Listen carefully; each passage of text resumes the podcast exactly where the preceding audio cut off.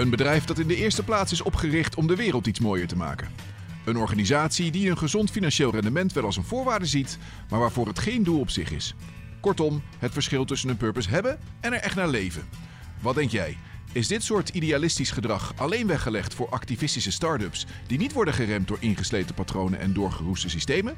Of zouden de multinationals hier juist veel meer verantwoordelijkheid moeten pakken, omdat zij door hun omvang veel meer impact kunnen maken? Welkom en leuk dat je weer luistert naar de Free Minds podcast van Lunar Institute. De podcast waarbij Jean Moens in gesprek gaat met inspirerende vrijdenkers over leiderschap en organisatieontwikkeling. Vandaag kruipt Inzo van Zanten achter de microfoon bij Jempi.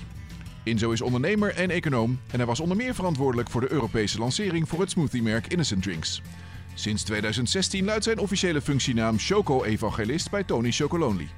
Hij reist de hele wereld rond om het verhaal te delen van het o zo populaire chocolademerk dat is opgericht om de cacaoketen eerlijker en 100% slaafvrij te maken. Van harte welkom Inzo. Dankjewel. In onze alweer vijfde podcast uh, van dit jaar. Uh, we gaan het uh, vandaag hebben over leiderschap en over organisatieontwikkeling. Hoe jij dat ziet vanuit jouw perspectief.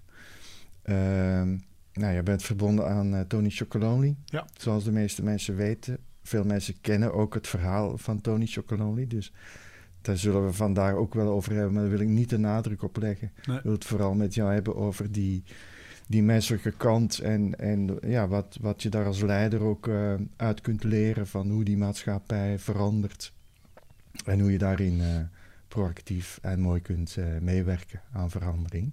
Dus dat, staat ons te doen in, deze, in dit gesprek. zoals altijd heb ik een aantal vragen helemaal aan het einde die ik aan al mijn gasten stel. Dus daar gaan we ook even aandacht aan besteden. En, en ergens tussendoor hebben we ook onze uh, Inja's de Vries, onze Gentse filosoof, die een, van, vanuit een filosofisch perspectief met een vraag komt. Leuk. Dus we hebben, ik heb er zin in. Ja, dankjewel. Heel tof dat je, dat je met ons wil meewerken. Uh, je bent ook uh, binnenkort de gast op ons festival. Ook heel tof, daar kijk ik ook al naar uit. dat gaat weer in mei plaatsvinden. Um, nou, het eerste wat ik hier eigenlijk zo... Uh, ja, om even erin te komen. Um, je adviseert ook bedrijven, organisaties, mensen op het vlak van duurzaamheid, strategie, communicatie. Ja, vroeger heel veel. Ik ben nu voornamelijk ja. bezig met, uh, met Tony Chocoloni. Oké, okay, ja. ja. Ja, Kun je iets zeggen um, wat jou drijft, wat, waar, wat je nu aan het doen bent, ja. waar dat deep down in jou vandaan komt. Ja. Wat, wat motiveert jou, wat geeft jou elke dag weer de, de energie om te zeggen: Wow, ik ben hier met uh, goede dingen bezig. Ja, ja. Uh, ik, heb, ik heb een maat van me, die wees mij er ooit op. Die zei: Inzo, je hebt een beetje een diffuse focus. En dan moest ik heel hard om lachen. Die jongen komt natuurlijk uit de reclame. Dat hoor je wel uit de uitspraak alleen al. Je hebt een diffuse Ja. focus. Omdat ik zoveel verschillende dingen aan het doen was Ja. in mijn leven. En dat, eh, daar had hij misschien gelijk in van buiten, van buiten bekeken. Maar van binnenuit is bij mij eigenlijk altijd mijn grote drijfveer... is om eh, bewustzijn te creëren. Ja. Awareness te creëren. Ja. Eh, en, en omdat ik het prima vind als mensen het niet met me eens zijn... Mhm. Uh, maar ik altijd een lichte vorm van irritatie heb gevoeld als dat kwam uit onwetendheid. Ja. Um, terwijl op basis van argumenten vind ik het altijd heel prettig om te discussiëren over dingen. Ja. Um, nu is het misschien ook een beetje pretentieus om, om uh, dingen onwetendheid te noemen. Hè? Uh, maar dat is wel wat. Dus mijn drijfveer is eigenlijk altijd geweest. Die kriebel die ik van binnenuit voel. Om, omdat ik iets zie en denk. Uh, nou, wat een waanzin. Ja. Of ik denk, wat een pracht. Ja. En waarom ziet niet iedereen die pracht? Of waarom ziet niet iedereen dat we vanuit waanzin opereren? Um, omdat we soms in een soort uh, ja, vast patroon zitten met elkaar. Hè? En als kuddedieren achter elkaar aanrennen. En ik dan iets zie. En dat zijn vaak helemaal geen grote dingen. Ik, ik, Nee. ik, ik vind mezelf ook niet voorbestemd voor grootste dingen. Om maar Nee. iets te noemen. En, uh, maar ik zie dan iets en dan denk ik, hè, waarom? En dus ik denk dat ik misschien uh, elke dag misschien wel als een soort positieve Groundhog Ja. Day Ja. opnieuw naar iets kijk. En het me wellicht langer lukt dan sommige andere mensen om me heen om die frisse blik te houden. Ja. En dus die grote bek te houden en te zien, hè? Ja. Nou, en daar, ik, kan daar, ik kan daar geregeld En- naast zitten. En af en toe juist denk ik dingen, jongens, wat zijn we, waar zijn we toch mee bezig met elkaar? En word je daar zelf niet onrustig van? Als je ja, maar mijn onrust is mijn energie. Ja, ja, Ja, ik, ik zeg wel eens, ik heb bedrijfstoepasbare ADHD. ja. En ik denk dat dat nou net hetgene is wat mij de energie geeft om, eh, om vol te houden, te fris te blijven kijken naar dingen. Ja, ja, ja. Denk ik. Maar ja, Maar, maar ja, en ik vertelde net al dat ik op dit moment in een indrukwekkende jetlag zit ook. Ja. Ehm, en ik ben niet de allerbeste slaper, om maar iets te noemen. Dat Nee. komt door die energie die de hele dag aanstaat. Maar daar kan je gefrustreerd van raken. En ik denk, nou, misschien Ja. is dat juist wel mijn kracht. En dan zo it. Ja. En kun je die energie dan allemaal kwijt in eh, Tony Chocolonely? Of heb je hierna nog eh, vijf andere dingen waar je je energie wil voor aanwenden? Of Nou, valt ik dat ben, wel ik mee? ben nu meer dan fulltime bezig met, met Tony's. Ja, Maar ik zeg ook wel eens dat ik acht dagen in de week heb. eh, door, die, eh, door die ADHD. Maar tegelijkertijd, ik ben best yin en yang. Hè? Ik, Ja. ik lijk altijd heel extrovert, maar ik ben eigenlijk heel introvert voor mijn gevoel. Dus mijn eh, energie aan de ene kant heb ik door totaal niks te doen aan de andere kant. Ik kan heel goed in de dolce far niente zitten. ja, ja, en ehm, ehm, nou, ik had vorige week het geluk dat ik voor werk in Mexico zat. Eh, en dan kan ik heel fijn gewoon een uur op zo'n Maya-pyramide zitten Ja. en observeren. En dat Ja. vind ik dan heerlijk. Zit ik helemaal lekker in mijn eigen sopje gaar te koken. Ja. Of in mijn eentje in een restaurantje zitten. Prima. Ik hoef niet de hele dag, de hele dag die drukte. Nee. Eh, omdat die heb ik al in mijn kop. Ja, Uh-huh. ja, ja, mooi. Mijn vorige gesprek had ik met, eh, met Jeroen Smit hè, van het Grote Mooi. Gevecht. Eh, Ja. je, je gaf net aan, ik ben zijn boek eh, aan het Ja. lezen. Hè. Ehm, en daar gaat die grote strijd eh, tussen het goede doen en tegelijk ook geld verdienen. Maar hij zet het ook wel echt neer als een worsteling, hè, in, als een paradox of als een, ja, iets wat niet voor de hand liggend is. Hoe, hoe Hmm. kijk jij daar tegenaan Hmm. vanuit jouw Nee, ik zou bijna willen poneren dat het tegenovergestelde waard is voor. Ja? Als ik kijk naar waar we nu bijvoorbeeld mee bezig zijn. Ik word constant gevraagd en geconfronteerd met die paradox. Waarvan Mhm. ik denk juist dat ehm, als je de gedachte van dat dat een paradox is loslaat, dat je misschien juist kan realiseren dat eh, financieel succesvol zijn als bedrijf Mhm. en, en goed doen voor de wereld om je heen misschien juist heel goed samen kan gaan zonder dat dat twee einden van een eh, spectrum zijn. Ja, Ehm, en ik denk dat dat, eh, als je niet constant dat gevecht aangaat, dat je misschien makkelijk in een flow komt, waardoor je ziet dat dat kan. ja, En ik denk, tuurlijk, er zijn, er zijn ook bij een Tony Chocolonely altijd de overwegingen. Hè, wat doen we? En, eh, want je bent een best lineair product, om maar iets te Mhm. noemen. Daar komt afval bij kijken. Je hebt productie waar CO2-voetprint Ja. bij Ja. komt kijken. Maar tegelijkertijd zie je ook dat we iets goeds doen voor de wereld om ons heen. Mensen worden er hier gelukkig van. Eh, maar nog veel belangrijker, mensen aan het begin van de waardeketen worden er gelukkig van. ja, Waardoor je het gevoel hebt dat je veel meer met een, eh, met een eerlijkere wereld bezig Ja. bent. ja. En, ik hoe- denk dat dat dus ja. nodig is juist, om dat misschien juist samen te laten gaan. Ja, en hoe kijk je tegen dat, eh, die opvatting, eh, nou, die in veel delen van de wereld nog steeds is, e- eerst goed zaken doen. Ja, en als je dan nee, geld verdiend hebt, dan ga je charity doen. Ja. Wat toch nog een beetje, ik weet niet of het zo Amerikaans is, maar in, Am- in Amerika zie je dat toch vaak eh, als model nog steeds. Ja, en wat ik lastig vind, want ik ben daar kritisch op. Mhm. Ehm, want ik vind het zelf een stuk mooier als je vanaf de, de grond af aan goed doet en goeds doet. Eh, en tegelijkertijd vind ik het ook te makkelijk om het constant te bekritiseren. ja, ehm, onlangs Jeff Bezos die aankondigt 10 miljard eh, erin. te- Dan kan je meteen dat bekritiseren. Maar je kan ook denken, nou, misschien als we beginnen met al dat soort stappen te maken op dat niveau, dat het langzaam misschien wel doortrickelt naar beneden, dat dat van zichzelf goed doen ja, eh, gegenereerd wordt. ja, Dus als je het bekritiseert, dan kan je natuurlijk ook krijgen dat mensen zeggen, nou, zak hem maar in. ja, Dan blijf ik gewoon lekker hier op mijn- op mijn gouden berg zitten. En, eh, en dan, dan, eh, dan doen we daar niet wat moois mee. Dus ik vind het te makkelijk om dat te bekritiseren. Maar tegelijkertijd, Dus ja, het kan echt en-en zijn, het kan echt mooi naast ja, elkaar in een, staan. in een ja. perfecte wereld, Ja. in, een, in een utopische perfecte wereld, natuurlijk doen we dan vanaf moment één goed. En daar moeten we ook naartoe werken. Daar ben ik van overtuigd. Ja. Want als je kijkt in hoe korte tijd we in principe de boel vernacheld hebben, Mhm. dan zou je dat ook positief kunnen omdraaien. Zeg, nou, dan heb je dus eigenlijk ook misschien maar 100 jaar nodig om het weer de andere kant op te draaien. En dan weer fijn een paar duizend jaar heel gelukkig te leven, totdat de zon opgebrand is. Maar Ja. Eh, natuurlijk moeten we daar naartoe werken, maar ik vind het te makkelijk om elk initiatief altijd te bekritiseren als zijn dat als greenwashing of dat is purpose washing. Mhm. Ja, dat zit erin, maar laten we dat misschien omarmen en het door die omarming omdraaien naar authenticiteit, Ja, ja, ja. ja. ja. Ja. denk ik. Ja, de, de- ja, Purpose is inmiddels eh ingeburgerd. Ik, ik kom nog Ja, weinig maar organisaties maar tegen. ja, Ja, eh, die zeggen, eh, wij hebben het niet. Hè, dus bijna shame Ja. on you als je, als Ja. je dan geen Ja. purpose hebt. Ja. Maar in hoeverre denk je dat bedrijven of sectoren echt purpose-driven zijn? Ja. Of is het Ja. inderdaad Maar zo dit van- geldt een beetje bijna hetzelfde als het antwoord op de vorige vraag. Ja, Ik ben daar heel kritisch op. ja. Ik, was, ik gaf laatst een lezing aan het hogere management van een gigantisch eh, bedrijf. ja, Ik hou het even heel eh, oppervlakkig. ja, Ehm, en daar vlak voor mij werd een presentatie gegeven over de sessies die ze gehad hadden over een purpose. En wat ik zag was eigenlijk een klassieke brand key, zoals marketeers dat Ja, noemen, ja. geprojecteerd. Nou, waarin ongeveer, ongeveer met Tipex in het midden eh, gewoon iets weg was gehaald en purpose was gezet. ja, En dan was het nog steeds, weet ik veel, eh, onze purpose is frisdrank verkopen. Nou, ja, ja, ja, ja, ja. de- wat je ziet is dat he- heel veel bedrijven op die bandwagon springen en met de marketingafdeling een paar dagen de hei op gaan op zoek naar hun purpose. En dan die purpose gebruiken voor prachtige marketinguitingen. ja. Ja, dan heb je het volgens mij niet helemaal begrepen.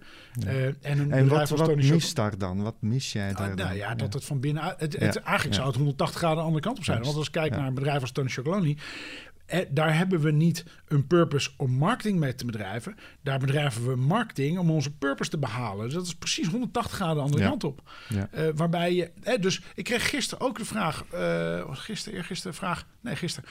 Van een student die zei van... Ja, maar op toen het moment dat jullie switchten naar... Toen dacht ik, ja nee, wij zijn eigenlijk nooit geswitcht. We zijn ontstaan vanuit een purpose. We hebben nooit de drang gehad om een bedrijf... of een succesvol bedrijf Mm. op te richten... en dan iets goeds te gaan doen. We zagen een probleem in de wereld... en zagen dat de enige oplossing die er voor ons lag... was dan maar een bedrijf te starten... om dat probleem op te lossen. Ja. Ehm, dus, maar dan komen we toch terug op het vorige punt. Daar kan je heel kritisch over zijn. Maar dan zou je ook kunnen bewerkstelligen dat bedrijven zeggen... nou, weet je, dan niet joh. Weet je, dan Ja. ros ik wel de hele wereld vol Ja. met suikerhoudende Ja. Dus drankjes. en dan wordt iedereen obese, want jullie luisteren niet naar ons als we zeggen... we gaan. Dus we kunnen beter zeggen, top, goed gedaan. Ja.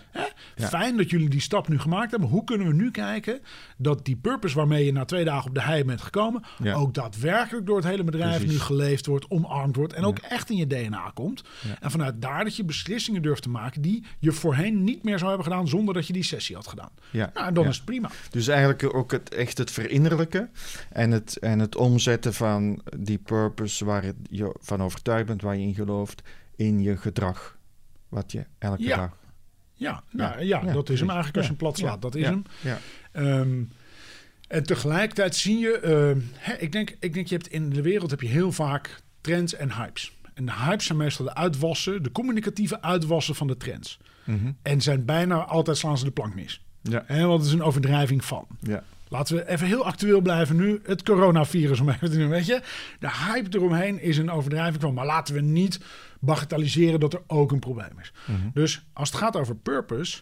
eh, eh, ben ik best gecharmeerd van eh, een, eh, een Deen, Thomas Kolster... die nu met het boek komt, ook de Hero Trap. Ja. Wat, het, wat voor mij nu een spijker op de kop slaat... dat heel veel bedrijven, als het gaat over hun purpose... en hun zoektocht naar een purpose... wel ontzettend de spotlight op zichzelf zetten. Mhm.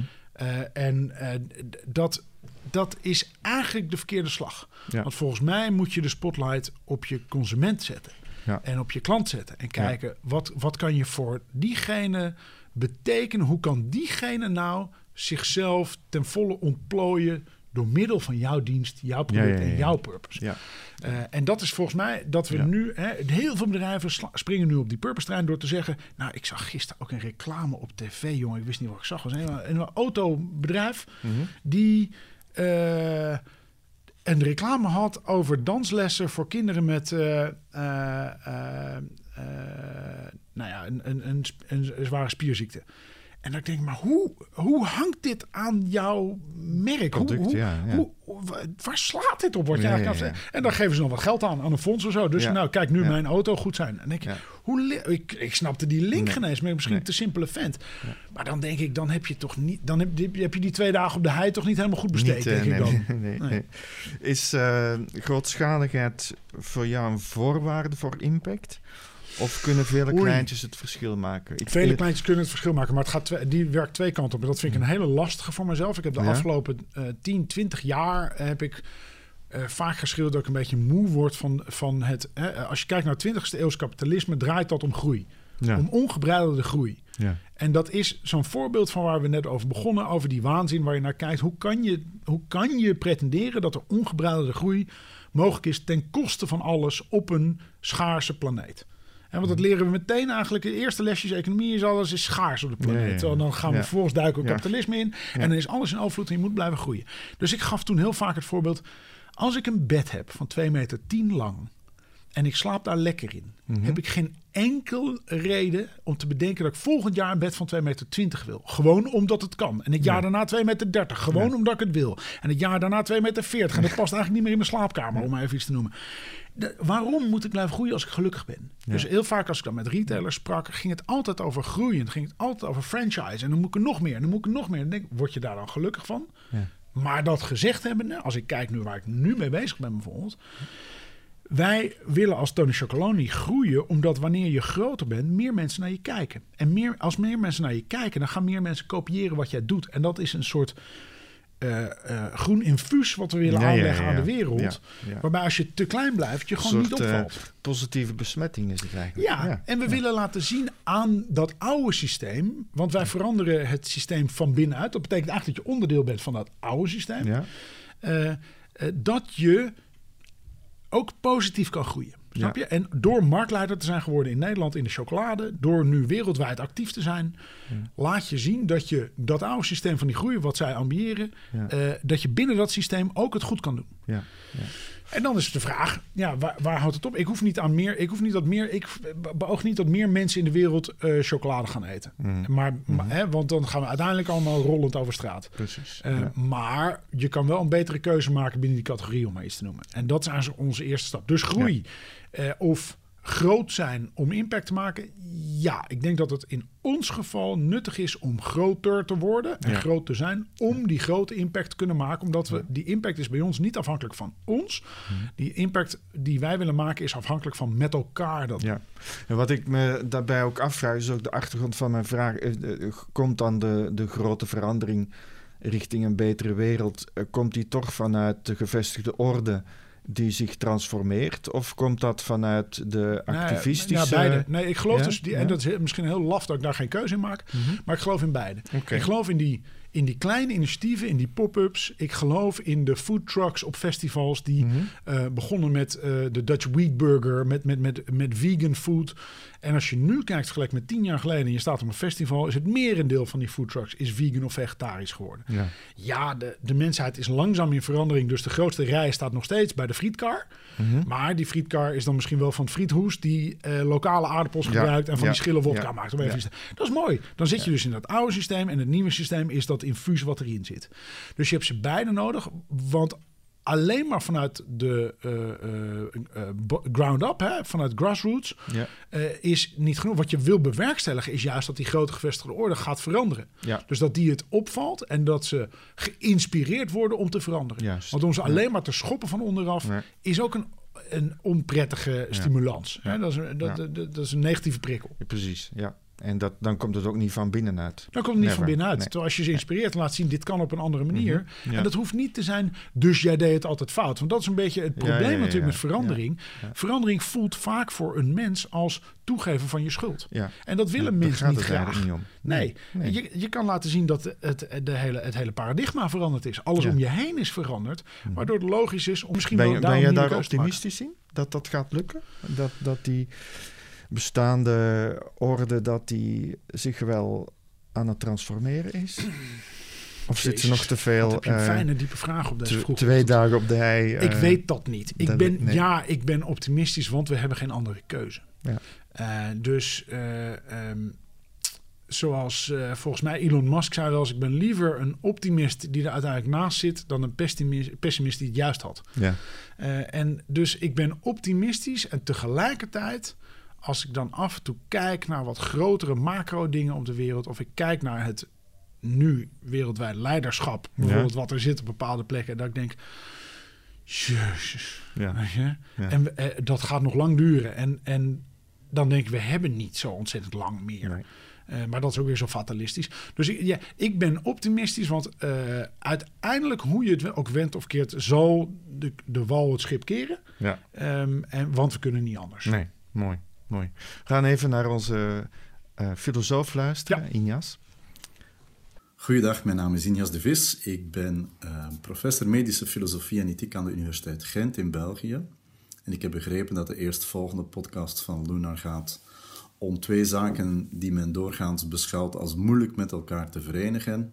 Namelijk het eh, woordje of het concept duurzaamheid enerzijds en het, laten we zeggen, het ondernemende bedrijfswereld eh, anderzijds. En het is inderdaad zo dat het bedrijfsleven wat dat betreft een slechte reputatie heeft. hè, Dat die eh, de perceptie heeft doorgaans voor kort geldgewin te gaan, wat dan vaak de kosten zou gaan van duurzaamheid. Nu denk ik dat we ondertussen met z'n allen beseffen dat de wijze waarop wij de aarde hebben opgeconsumeerd, de fossiele brandstoffen bijna hebben opgebrand, dat aan dit verhaal een einde komt. En dat er in feite op termijn maar één optie overblijft, dat is ehm, ja, te leven met de bronnen die we hebben en daar op een andere manier mee om te gaan. En wat mij in het bijzonder interesseert, is hoe een aantal bedrijven vandaag niet zozeer uitgaan van duurzaamheid als een vorm van window dressing, want je hoort nu eenmaal een beetje ecologisch te zijn, dus doen we dat ook. Maar dat ze echt op zoek gaan naar modellen om met duurzaamheid toch winst te maken en uiteindelijk toch een, een model uit te werken waarbij het ondernemen, het vervaardigen van producten niet ten koste zal mogen gaan, zou kunnen gaan van de materiële grondstoffen en van de wijze waarop we op deze planeet leven. En ik zou zeer benieuwd zijn hoe in de rest van deze podcast dit verder zal worden uitgewerkt. Ja, Helder. ja. glashelder. Nou, mooi. Ja, interessant. En eens en niet eens. Ja. Eh, hè? Ik, ehm, ik denk als je op de grand scheme of things kijkt, dat we eigenlijk als planeet, eh, met mensheid als kortstondig onderdeel daarvan, eigenlijk altijd wel in balans zijn. ja. Zoals eh, een, een, weer, een wereld in de natuur ook in principe altijd in balans is. Dat wil niet zeggen dat er altijd bloesems aan de boom hangen. Dat er altijd fruit aan de boom hangt. En dat er niet af en toe een boom doodgaat. Mhm. Ehm, ik heb alleen het idee dat je ook af en toe tegenkomt... wat we bijvoorbeeld nu dit jaar in Australië hebben gezien... dat Ja. het een keertje helemaal flink fout gaat. En als ik dat nu even naar de mensheid betrek... denk ik dat we nu in een fase zitten... eh, waarbij we een beetje in de war zijn. Eh, en we zitten eventjes in de, in de bosbrandfase van de economie. Mhm. Mhm. Eh, en ik, als ik dus terugkom even naar waar we het net over hadden, ben ik positief of niet? Ben ik optimistisch of niet? Ik denk dat we dus nu in een soort turbulente tijd zitten waarbij we gaan naar een nieuwe balans. Ja. Waarbij we weer erachter moeten komen dat het inderdaad even nergens op slaat wat we de afgelopen twee, drie generaties hebben gezien als het gaat over korte termijn winsten. Als het gaat over kort houdbare producten. Mhm. Eh, eh, dat we zo snel, zo gierig zijn geworden. eh, dat we nu weer langzaam via een bepaalde onder, onderstroom die er in de maatschappij Ja. zit en die in ondernemerschap zit, eh, weer naar een nieuwe balans aan het komen zijn. Ja. Denk Ja. ik. Ja. En dan denk ik dus dat duurzaamheid en ondernemerschap heel goed samen kunnen gaan. Ja. Sterker nog, Ja. ik ben ergens diep in mijn genen ben ik misschien wel rechts en van het ondernemende eh, type. Mhm. Waarbij ik juist denk dat die krachten de enige krachten zijn die dynamisch en sterk genoeg zijn om ons terug te brengen in echt- die balans. Ja, precies. Ja. en niet regelgeving Nee. eh, of overheden of een, eh, een totaal socialisme. Ja. Ja, mooi. Mooi gezegd. Het brengt mij ook bij de, bij de hamvraag van veel leiders die wij ontmoeten. eh, in het kader van strategie of persoonlijke ontwikkeling. Eh, en de hamvraag van veel directies is: hoe krijgen we eh, ons systeem, onze organisatie, hoe, kri- hoe krijgen we de mensen echt in beweging? Ja. En hoe zouden we naar dat nieuwe toe gaan? En dan, dan in één adem zeggen ze vaak wel eens, als we dan voorbeelden geven, van kijk naar uh, Coolblue, kijk naar hè, de, de, de vernieuwers, zeggen ja, en ook Tony's, hè, uh, die, die, hebben geen last van bestaande tradities en uh, bestaande systemen. Die hebben het wat makkelijker dan wij. Kun je daar inkomen? Ja, of ja daar kan ik best inkomen. Maar ik zit vandaag een hele milde dag, hè, merk ik. Ja, ja, ja. Um, uh, daar kan ik best inkomen, maar dat ontslaat je niet van verandering. Nee. Um, dus ja, hè, als je kijkt, ik heb ooit in een ver verleden ben ik een uh, management consultant geweest en toen uh, liep ik rond bijvoorbeeld bij de, de, de grote blauwe luchtvaartmaatschappij van Nederland. Mhm. Ja, als je je dan vergelijkt met die uh, oranje prijsvechter, uh, ja, die heeft één systeem met één database. En destijds had die Blauwe Vogel had 700 systemen met, ja. met database vanaf dag één. Daar neem je niet makkelijk afscheid van. Nee. Want dat zit in je legacy, dat zit in je systeem. Maar dat wil niet zeggen dat je dan zegt, nou, dan maar achterover zitten. Want als je achterover gaat zitten, dan val je dus om. En dan is het klaar. En dat is de vulkaan van ondernemerschap misschien ook wel. Dat is ook, wel, ook wel goed dat er af en toe wat omvalt. Hè? Begrijp me ook niet verkeerd. Dat hadden we misschien dat, wel... eh. In de crisis hadden we wat meer autofabrikanten in Amerika moeten laten omvallen. Ja. Ja. Want dan hadden we nu veel eerder elektrisch gereden. Hadden we die discussie niet gehad. En Ja. hadden we ook die hele dieselschandalen Ja. niet gehad. Ja. Eh, Maar daarmee maar- zeg je ook eh, in zo, het, het, het, het systeem mag eigenlijk nooit het excuus zijn. Nee. Ook al is het Want, lastig. Want, want, en want hier hadden we het over voor de opname. En deze die valt hier perfect op zijn plek. Ja. Toen ik een, een paar jaar geleden een Vlaamse vriend van mij belde. Toen ik in de file stond in Antwerpen. Mhm. En ik hem uitschold om zijn paupere eh, infrastructuur in zijn land. Eh, en ik in de file stond rond lunch, wanneer je niet in de file hoort te staan. Zei hij Inzo, dit was Stefan van Dist, ik wil hem graag even noemen, een grote vriend van me. Ja. En Stefan, mijn Vlaamse compaan, zei Inzo, jij staat, jij staat niet in de file, jij bent de file. Ja. En dat is natuurlijk waar we zitten. Je kan wel zeggen, het systeem is het probleem, maar wij zijn het systeem. Dus dan moeten wij ons veranderen, want ons is het systeem. Dus ik heb ook wel eens in politiek dat ik denk, ja mensen, dat zijn wij ook, weet je. Dit is een soort vertegenwoordiging van wat wij zijn. Dan moeten we daar iets in veranderen in onze maatschappij. Ja, ja. Eh, volgens mij staat op jouw kaartje Choco eva- Evangelist. Ja. Eh, nou, het vorige gesprek ging over eh, Paul Polman, die in ieder geval voor die bij aan zijn carrière ook predikantambities had. Maar de- ik neem aan jij niet. Of, oh, maar zit dat toch wel een beetje in je? Dat, dat, Nou, dat is grappig dat je dat zegt. Misschien wel. Het is, het, ik ben een geregistreerd pastafarian. Dus ik, eh, eh, een echt predikant zal ik waarschijnlijk niet worden.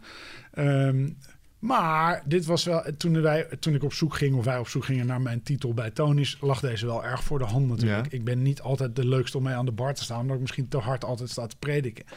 Ehm, eh, en ik wel een bepaalde soort uitgesproken mening heb over dingen. ja. Dus ja, dat zou Ja. kunnen. Maar het Ja. heeft in mijn geval weinig met religie te maken. Ja, ja, ja, ja. ja. Misschien een ander soort van geloof. Hè? Nou ja, precies. Het heeft ja. wel met spiritualiteit te maken, Ja, maar niet met ja, religie. Zeker, ja. ja. Ik wil even naar de menskant eh, eh, toe met, eh, met je. Eh, ik zie heel duidelijk in organisaties dat er een verschil is tussen een purpose hebben en een purpose leven. Ja. Of doorleven. Of, eh, ik zie wel eens organisaties die zeggen, ja, ja, tuurlijk hebben wij ook een purpose, maar eh, nou, we doen eigenlijk nog in grote mate hetzelfde als wat we voorheen eh, deden. Jullie hebben Crazy About Chocolate, hè, series About People. Kun je daar iets meer over vertellen? Hoe Ja, dat is, niet onze, dat is niet onze purpose. Hè? Onze Nee. purpose is heel duidelijk die 100% slaafvrije Ja, chocolade ja, wereldwijd. Ja, Dat is onze maar purpose. jullie motto is ook... Ja, onze motor richting, die, richting die visie is eh, Crazy About Chocolate, Serious About People. Ja. En dat zit bij ons in dat we niet... Hè, we zijn niet eh, eh, jolig crazy, we zijn, we zijn bevlogen. Ja, We zijn crazy about chocolate. We zijn bevlogen als het gaat over cacao, als het gaat over chocolade, als het gaat over verschil maken. Ehm, eh, daar zit onze craziness about chocolate. Daar zit ook een gedeelte in waarom we dus zulke totale verschillende vreemde heerlijke repen chocolade maken. ja, Eh, dus daar zit ook onze craziness in. Hè. Het eerste wat je ziet als je bij ons op kantoor komt binnenlopen is die keuken waar we de hele dag recepten aan het ontwikkelen zijn. Eh, en Serious About People bij ons, eh, zeggen we altijd, zit in, eh, in eigenlijk vijf. Eén, en dat is, dat is misschien een beetje narcistisch, maar ons eigen team. mhm, Maar wij zijn ervan overtuigd dat we... Hè, bij ons het gaat eigenlijk over twee pijlers. Het gaat over impact maken en het meest bevlogen team hebben om dat mee te doen. ja, Want wij denken dat die twee dingen onlosmakelijk verbonden zijn. Mhm. We denken dat we alleen maar die gigantische missie van 100% slaafvrije chocolade kunnen behalen door het meest bevlogen en betrokken team Ja. samen te stellen, Ja. waar we ook zitten. Dus op één staat bij ons het team. Want met focus op ons eigen team en zorgen dat we het zo, zo leuk mogelijk hebben met elkaar, kunnen we dat zware onderwerp tackelen. Ja. Uh, dan hebben we het op twee staat bij ons de boeren met wie we samenwerken. Dat zijn er inmiddels meer dan 6600 in Ghana en Ivoorkust. Uh, die staan bij ons uh, bovenaan het lijstje na onszelf. Dus dat is Ja. misschien narcistisch. Ja. op drie staan bij ons consumenten. Mensen die onze chocoladerepen eten. Ja. Op vier de mensen die onze repen eigenlijk verkopen. Dus dat zijn de winkeliers, de retailers. En op vijf onze leveranciers. Dus de mensen die onze chocolade maken. We zeggen wel eens, we zijn geen chocolademaker. We zijn een impactmaker via de weg van chocolade. Onze chocolade wordt voor ons gemaakt. Ja. Ja. Dus dat is, dat is die tweedeling tussen crazy about chocolate, serious about people. Maar onze purpose nogmaals 100% slaafvrije chocolade. Wereldwijd. En als ik even naar, naar het team ga, nummer één. Ja. eh, de, wat, wat gebeurt er bij jullie zo? Wat, of wat zijn de dingen ja, die we misschien ook van jullie kunnen leren als het gaat om people and culture? Ja, nou, ik eh, vind het heel mooi dat je dit op deze manier al zegt. Want Ja. dit is precies spijker op de kop. Ja. Eh, we hebben heel snel gerealiseerd dat HR, Human Resources, eigenlijk een hele vreemde term is. ja, ja. Want vind ik zelf ook. ja, want als je van humans resources wil maken, is dat Ja. precies het tegenovergestelde wat je eigenlijk zou willen bewerkstelligen. Want je wil juist, juist die menselijkheid eh, centraal zetten. Eh, net zoals dat ik niet geloof in een work-life balance. Dat zou Nee. namelijk eigenlijk betekenen, als dat een, een balance is, dat het tegenstrijdige polen Ja. zijn. Dus dat je leeft op werk en, en, of, en, en, en, en dood bent thuis of andersom. Ik, ik volg hem niet helemaal. Nee. Dus HR heet bij ons people and culture, omdat bij ons die mensen en vooral ook die bedrijfscultuur zo centraal staat om dat te bewerkstelligen. Mhm. Eh, en dat is altijd lastig. Want, eh, want hoe benoem je cultuur? Dat is vaak juist die onzichtbare lijm tussen de mensen. Die zorgt dat je meer bent dan de som delen. Eh, maar we hebben daar een team wat daar, wat daar erg op gefocust is. Eh, en we hebben een, een diep geworteld geloof in dat eh, je door je team centraal te stellen, door daar een, een ontzettende focus op te hebben, wat niet betekent meteen heel veel geld. Hè. Het gaat over effort en focus. Ja. Eh, dat je daarmee je doelen kan bewerkstelligen. En kun je daar een concreet voorbeeld van geven? Van, van wat jullie daar op dat vlak dan doen? Of wat Ja. er ontstaat? Of, of... Ja, nou, cultuur zit vaak in, in symbolen en in rituelen. Mhm. Eh, En als het gaat over symbolen, zijn dat vaak de uitingen, de zichtbare uitingen. Dus als je bij ons op kantoor komt binnenlopen, zie je meteen dat we bezig zijn met een fijne werkomgeving te Ja. creëren. Dat is zichtbaar, dat is visueel. Het is niet eh, verstopt in hokjes. Nee, dus dat nee. is overal. Hè, als wij een pingpongtafel neerzetten, dan, dan gaat ons designteam daarmee aan de slag. Dus dan staat er daarna een tafel waarbij aan de ene kant ping staat en aan de andere dan kant pong staat. Dat vinden we leuk. Want als je al constant maar een glimlach op je gezicht weet te krijgen, dan zit hij er uiteindelijk automatisch en altijd. Ja. Ehm, dus dat zit in symbolen die zichtbaar zijn, maar het zit ook in, in rituelen. En dat zijn kleine dingen waarvan je kan zeggen: ja, maar is dat hem nou? Maar als je hem allemaal structureel doet en je ze allemaal opstapelt, dan zit je uiteindelijk in cultuur en in geluk. Dus bijvoorbeeld, als wij onze eh eh estafette-reep lanceren, die elk half jaar wisselt in de supermarkten, eh, dan gaan we die dag letterlijk een estafette doen op het Westergasterrein waar we zitten, waarbij iedereen aangekleed is in de kleuren van de oude reep of van de nieuwe reep. En dan rennen we heen en weer en doen we een estafette en hebben we lol. En als je dat elke dag maar doet op die manier, dan heb je eigenlijk altijd lol in wat je doet. Ja. En dit zijn, dat, zijn kleine, dat zijn kleine voorbeelden. Het zit in, in focus op die kleine voorbeelden. Ik heb heel vaak als het gaat over dat we iets organiseren, of nou een feestje is, of een vergadering, of een kwartaalvergadering, ben ik altijd verbaasd, terwijl ik er toch echt al heel lang rondloop, hoe ons people and culture team eh, en onze, onze happiness mensen daar elke keer weer eigenlijk de verwachtingen overtreffen. Ja. Het is Ja. aangekleed, het is leuk. En of, als we op wintersport gaan met z'n allen, dan is Ja. dat hotel aangekleed. Precies. En dan staat er een bakje En dan niet omdat, paracetamol het en oorpluggen. ja, niet omdat dat een target is, maar omdat ze er zelf... Omdat het leuk is. Ja, precies. Het is niet een target, het ligt niet vast in KPI's. Het hoort bij de cultuur. Het hoort bij de lol die we met elkaar hebben. En als we het doen, dat is het misschien wel. Als we het doen, dan willen we het goed doen. Dan willen we het meteen echt helemaal Ja, goed doen. cool.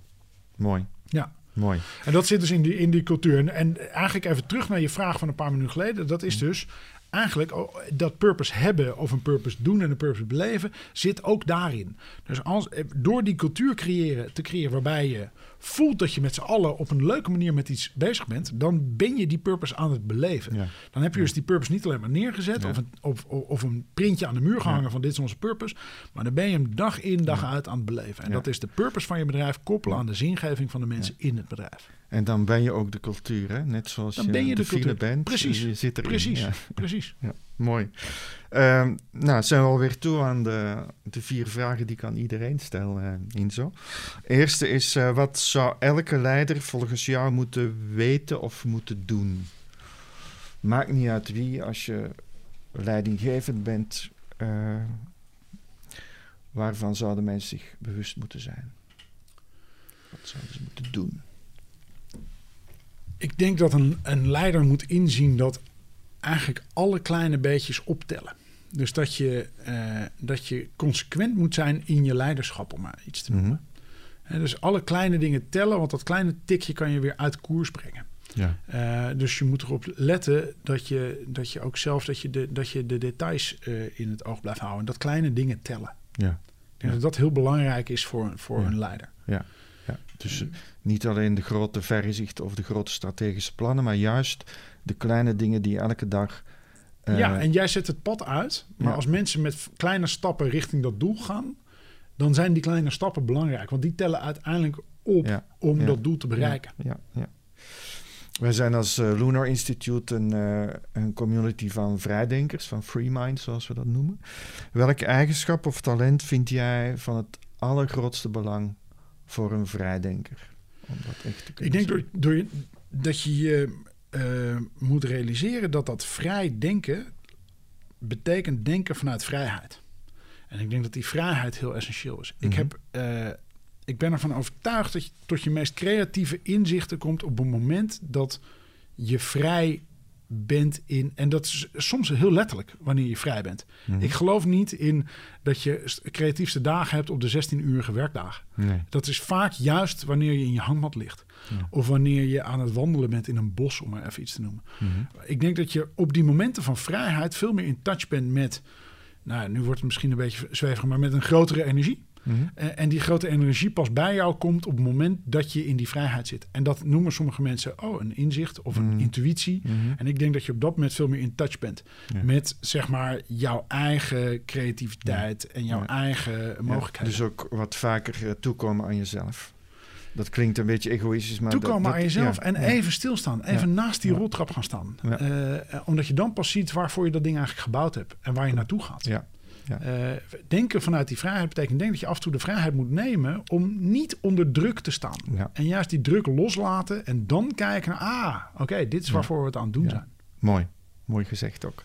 Welke vrijdenker die jij kent, zou jij hier graag een keer uh, aan tafel hebben? Met wie ik een gesprek uh, zou kunnen hebben? Er zijn er vele. Ik, heb ooit, ik moet alleen even terugdenken aan jaren geleden toen ik een klein kantoortje had uh, op het Spui. Ja? met een, een, vriend van me, Cyril Taus. Uh, en Cyril Taus. En toen zeiden to, dit was de early days van podcast. En toen zeiden wij van moeten wij niet samen een keertje een podcast doen? Want wij kunnen de hele dag totaal oneens zijn over dingen. Ja. Uh, dus toen ik deze vraag kreeg, dacht ik misschien zou Cyril Taus wel een hele interessante zijn voor jullie ja. om eens een keertje hier neer te En wat, wat doet hij? Wat, uh, of wat, ja, hij is met vele dingen bezig. Hij heeft onder andere destijds restaurant 15 heeft hij opgericht in Amsterdam. Mm-hmm. en hij heeft The World of Food in Amsterdam Zuidoost heeft hij opgericht. Ja. Wat ik een prachtige plek vind nog altijd. Uh, dus hij zou een hele interessante kunnen zijn uh, ja. voor jullie. En welke vraag uh, zou ik hem kunnen stellen namens jou? Nou, wij zaten ooit te mijmeren buiten toen hij restaurant 15 nog had. En toen zaten we te kijken naar een groot Italiaans cruiseschip wat daar lag. en Uh, en hij zei, moet je nou eens kijken. En daar stonden 20, 25 Italiaanse vrachtwagens om dat cruiseschip te bevoorraden. En toen moesten we eigenlijk heel hard lachen, weet je. De, want het argument is natuurlijk, dat schip heb je daar voor de economie van Amsterdam. Maar de Peroni werd geleverd door Italiaanse nee. trucks die naar Amsterdam rijden om dat cruise. Dus, maar waar, waar en toen zei Cyril van Inzo, we moeten gewoon een generatie wachten. Ja. Je, want het komt vanzelf wel. En daar, ik, ik ben te gehaast daarvoor. Maar ik ben wel heel geïnteresseerd, want ik heb hem al een tijd niet meer gesproken, of hij nog steeds zo erover denkt. Of dat hij inmiddels toch wel iets meer het gevoel van urgentie heeft. Ja, ja, ja, um, want het is een manier om te denken, we wachten het wel af en het komt vanzelf. Ben ik ook met hem eens. Maar gaat dat snel genoeg, denk ik weer van niet. En dus nee. ik zou hem wel willen vragen, hoe kunnen we dit dan toch, ondanks zijn, uh, zijn uh, pokhoutige pessimistische instelling, hoe zouden we het toch optimistisch kunnen versnellen? Ja. En tot slot, wat is jouw mediatip voor, uh, voor onze luisteraars? een film, boek, uh, whatever, ja, serie? Ik, um, het, is een, het, is een, het is een uitgekoude, maar een, ik, ik, was vorige week... Dit klinkt heel blasé, alsof ik echt over de hele wereld zit... maar ik was toevallig vorige ja. week uh, bij de Grand Canyon in Amerika.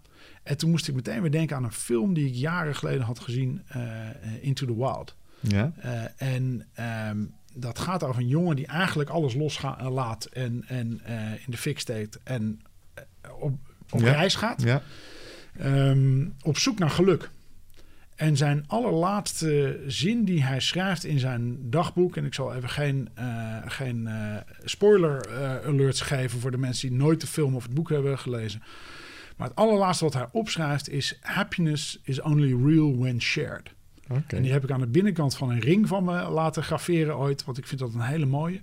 Eh, dat, dat relativeert de boel wel. je ja, kan op zoek gaan naar Ja. geluk... maar uiteindelijk is geluk eigenlijk pas echt wanneer je het deelt Ja. met andere mensen. En Ja. dat vind ik, eh, dat, dat is even mijn wijsheid van de, Cool. deze periode Ja. waar ik in zit. Mooi man, dankjewel. Graag gedaan. Leuk. Heel tof gesprek. Ja, Leuk. mooi. Dat was hem weer, de Free Minds podcast vanuit de Vondel CS Studio in Amsterdam. De volgende keer schuift Willemijn Verloop bij ons aan. Ze is directeur en medeoprichter van Social Enterprise NL, een organisatie die de beweging van sociaal ondernemerschap aanjaagt. Voel je vrij om jezelf op deze podcast te abonneren. We zouden het ook erg waarderen als je een mooie review achterlaat op je favoriete platform. We organiseren regelmatig inspirerende events over leiderschap en organisatieontwikkeling, zoals ons jaarlijkse Festival of the Free Minds en onze volle maandiners. Kijk voor onze evenementenkalender op onze website lunarinstitute.com. Je vindt hier ook meer informatie over onze community van vrije denkers. Bedankt voor het luisteren. Tot de volgende maand.